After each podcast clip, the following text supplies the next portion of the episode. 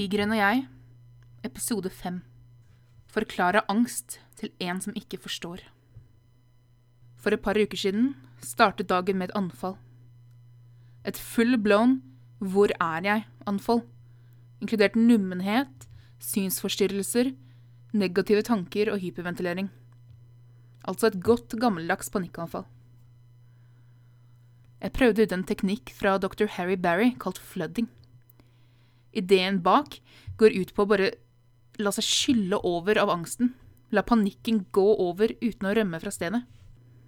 Han forteller at det å rømme fra problemet bare fòrer monsteret. Metoder er derimot lettere forkynt enn gjort. Jeg kjente fra første stund at det var hardt å gå ut døra. Jeg stoppet opp et par ganger og irriterte meg over at synet snevret seg inn.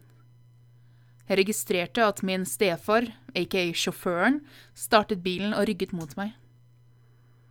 Han vet godt hva som skjer, og forsøker å tilrettelegge så godt for meg som mulig.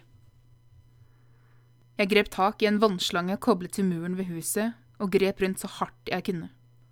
Jeg kjente den ikke i det hele tatt. Det var da hyperventileringen startet. Jeg vet jo godt hva dette er og går ut på, og nå er jeg i en fase der jeg kan tillate meg selv å prøve forskjellige metoder for både å holde ut et anfall og å stanse det. Jeg sto der kanskje i et minutt og klarte å roe tankene ned. Allikevel ble synet verre, og siden jeg nå hadde hyperventilert en god stund, begynte det å blekne for meg. Jeg måtte gi opp og gå inn. Som vanlig etter et kraftig anfall strømmet hårene på, og følelsen av urettferdighet, depresjon, motløshet og syns synd på meg selv-fasen kom og gikk. Ti minutter etter anfallet orket jeg ikke å vente lenger med å reise ut igjen. Jeg føler ofte det er lettere å reise ut igjen rimelig raskt for å ikke grue meg for mye. I de få minuttene etter et anfall tenker jeg at jeg aldri har lyst til å gå ut igjen. Jeg er for sliten av disse anfallene, og jeg får lyst til å gi opp hele oppdraget Bli frisk. Ikke på tenåringsvis som gidder ikke mer, men mer jeg vet ikke om jeg makter mer. Såpass går et anfall inn på meg. Bilen sto litt nærmere nå, der den hadde blitt parkert tidligere. Selv om det gjorde vondt og var vanskelig, klarte jeg å komme meg ut i bilen og på vei til butikken. Jeg møtte en bekjent på butikken. En som eh, ikke helt forstår hva angst handler om. Hver gang vedkommende spør hvordan det går, må jeg svare at det går bra. Jeg er litt lei av det, men uh, jeg orker ikke å forklare hva angsten min går ut på hver gang. Jeg satte meg ved et bord ved utgangen av butikken, og personen kom bort og sa, Er du ferdig med å handle? Jeg svarte bare ja, fordi jeg ikke kan si at det er grunnet angsten at jeg ikke har fått med meg alt jeg skulle ha. Personen ønsket at eh, jeg skal komme på besøk, og sa at eh, jeg måtte bare komme innom når du har tid. Problemet er ikke at jeg ikke har tid, men at jeg ikke klarer å være utenfor hjemmet alene. Men det forstår vedkommende ikke. Dagen etter ble jeg oppringt av samme person og spurt om hvordan det gikk. Jeg forklarte som det var, at ting går fremover og det går litt bedre, men jeg har mine utfordringer. Det plumper allikevel ut av den andre enden. Du, eh, du er ikke helt frisk av det nå, altså. Jeg har jo sett deg mye på butikken, og det går jo fint, det. En uh, assumpsjon, med andre ord. Man skal være forsiktig med å anta ting. Jeg har gått på smeller selv, jeg, på grunn av forutinntatthet men spesielt når det gjelder psykisk helse, er det best å ikke anta noen verdens ting. Personen i telefonen hadde jo rett på én ting. Jeg går oftere i butikken, og ofte går det greit, selv om det sjelden er enkelt. Å reise til butikken er rett og slett en del av opptreningen for min del. Jeg forstår at uh, psykisk helse kan virke rart, uh, kanskje skummelt og tøvete for noen. Spesielt de som verken forstår eller har det minste empati for sånne som meg. Nå skal det sies at eh, personen i telefonen ikke er eh, blottet for empati, men har nok vansker med å forstå mine utfordringer. Jeg svarte høflig, igjen, med at ting går fremover, men det er en lang prosess. Samtalen fikk meg til å tenke på hvordan man skal forklare angst og panikkanfall til en som ikke forstår. Det er jo tilstander jeg heller ikke forstår eller kan sette meg ordentlig inn i. Så mye empati og omtanke jeg har for transpersoner, kan jo ikke jeg forstå omfanget av deres skjebne. Alt blir dog mye lettere å forstå jo mer man lærer av de som er utsatt for sykdommen eller tilstanden. I dagens samfunn er det ingen unnskyldning for informasjonsmangel. Internett er fullt av informasjon om all verdens sykdommer. Det handler bare om å gidde å søke dem opp. Så hvis du har en venn, et familiemedlem eller bekjent som har vanskelig for å forstå, hvordan skal du gå frem? Jeg tror ikke måten jeg ofte ender opp med, er den beste. Jeg synes ærlig talt ikke det å si at det bare går bedre, eller det går fint, holder. Jeg skal bli flinkere til å undervise folk om angst. Det er mitt mål. Jeg skulle ønske jeg var bedre til å følge mine egne råd. Det er så mye lettere å fortelle andre hva de skal gjøre, eller burde gjøre, enn å praktisere samme råd selv. Uansett, her kommer mine råd. Dra paralleller mellom dine og deres opplevelser av angst eller redsel eller nervøsitet. Alle har en eller annen fobi det kan spilles på. Noen har sterk frykt for edderkopper, men de fleste edderkopper kan jo ikke skade deg mer enn du kan skade dem, i hvert fall. Andre sliter med ornitofobi og vegrer seg for duer eller spurver i byen. Det kan være hva som helst. Fortell at følelsen kan være lik, men at panikkanfallene er sterkere og annerledes. Jeg sier ofte at det føles som å skulle hoppe i fallskjerm og reise ut.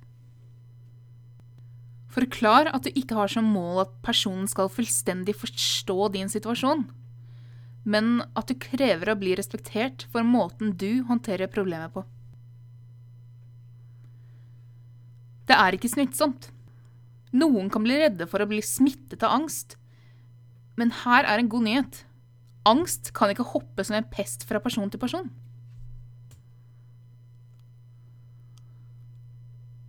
Forklar at det er en like reell sykdom som hvilken som helst fysisk eller synlig sykdom. Jeg tenker av og til at det hadde vært moro å gå ut med gipsede ben, arrete kropp og hjertemonitor, bare for å vise hvordan man kan eh, føle seg innerst inne. Si at eh, personen ikke trenger å kontakte lege ved et panikkanfall. Fortell også at det er vanlig å ha vanskelig for å kommunisere ordentlig under anfallet. Et panikkanfall kan noen ganger se ut som at du får et hjerteinfarkt eller et annet akuttilfelle, men forklar at anfallet ikke er farlig. Be personen lese seg opp på angst. Alle som har familiemedlemmer med angst, har godt av å lære seg litt om tilstanden. Det finnes utallige opplysningssider på internett. Se linker og les mer på tigernogjeg.wordpress.com.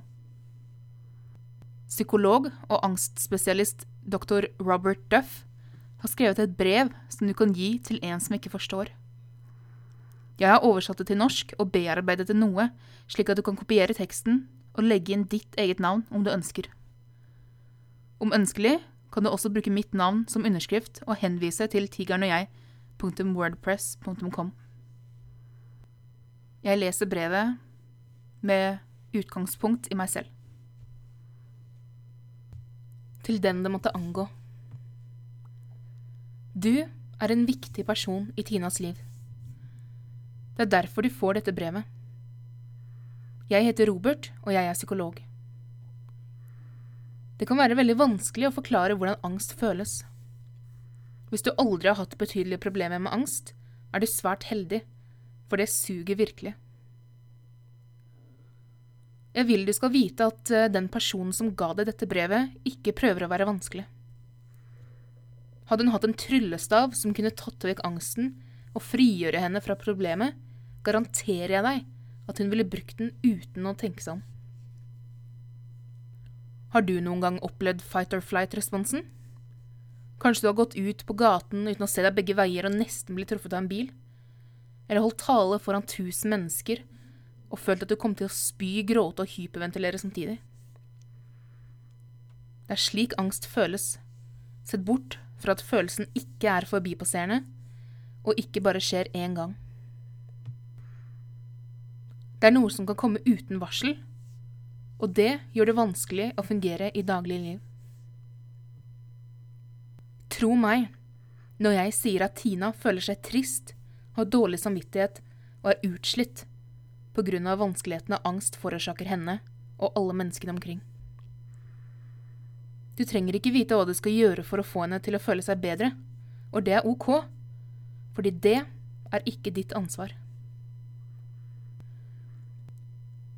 Hvis du vil hjelpe, har jeg noen tips som kan hjelpe deg til å støtte mest mulig når Tina er i en vanskelig periode.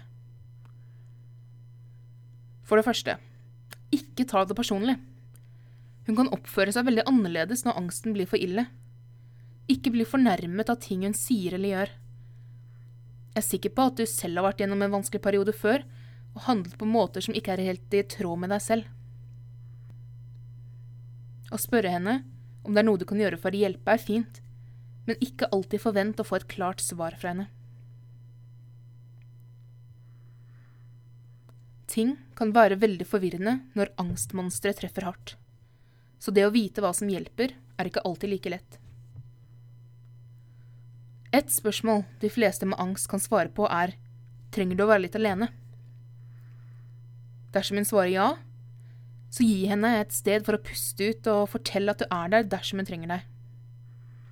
Forsøk å unngå å fortelle henne at alt er i hodet hennes. Det vet hun så inderlig godt fra før av. Det gjør ikke dunkingen i brystet, de intense hodesmertene, hyperventilasjonen, svetten eller de raske tankene lettere å håndtere. Jeg kan ikke sette deg i hennes sko, men jeg håper du kan tro meg når jeg sier at det ikke bare er å trekke pusten dypt inn og få litt frisk luft som stopper angsten. Det å ha angst gir ikke Tina rett til å gjøre eller si akkurat hva hun vil. Du har fortsatt rett til å bli opprørt dersom hun gjør noe galt, men prøv å se det i sammenheng med angsten. Hvis du ønsker å ta opp en situasjon med henne, burde du vente til ting har roet seg litt. Jeg vil også gjøre det klart at du ikke trenger å forstå henne eller være enig i alt hun gjør, for å være støttende.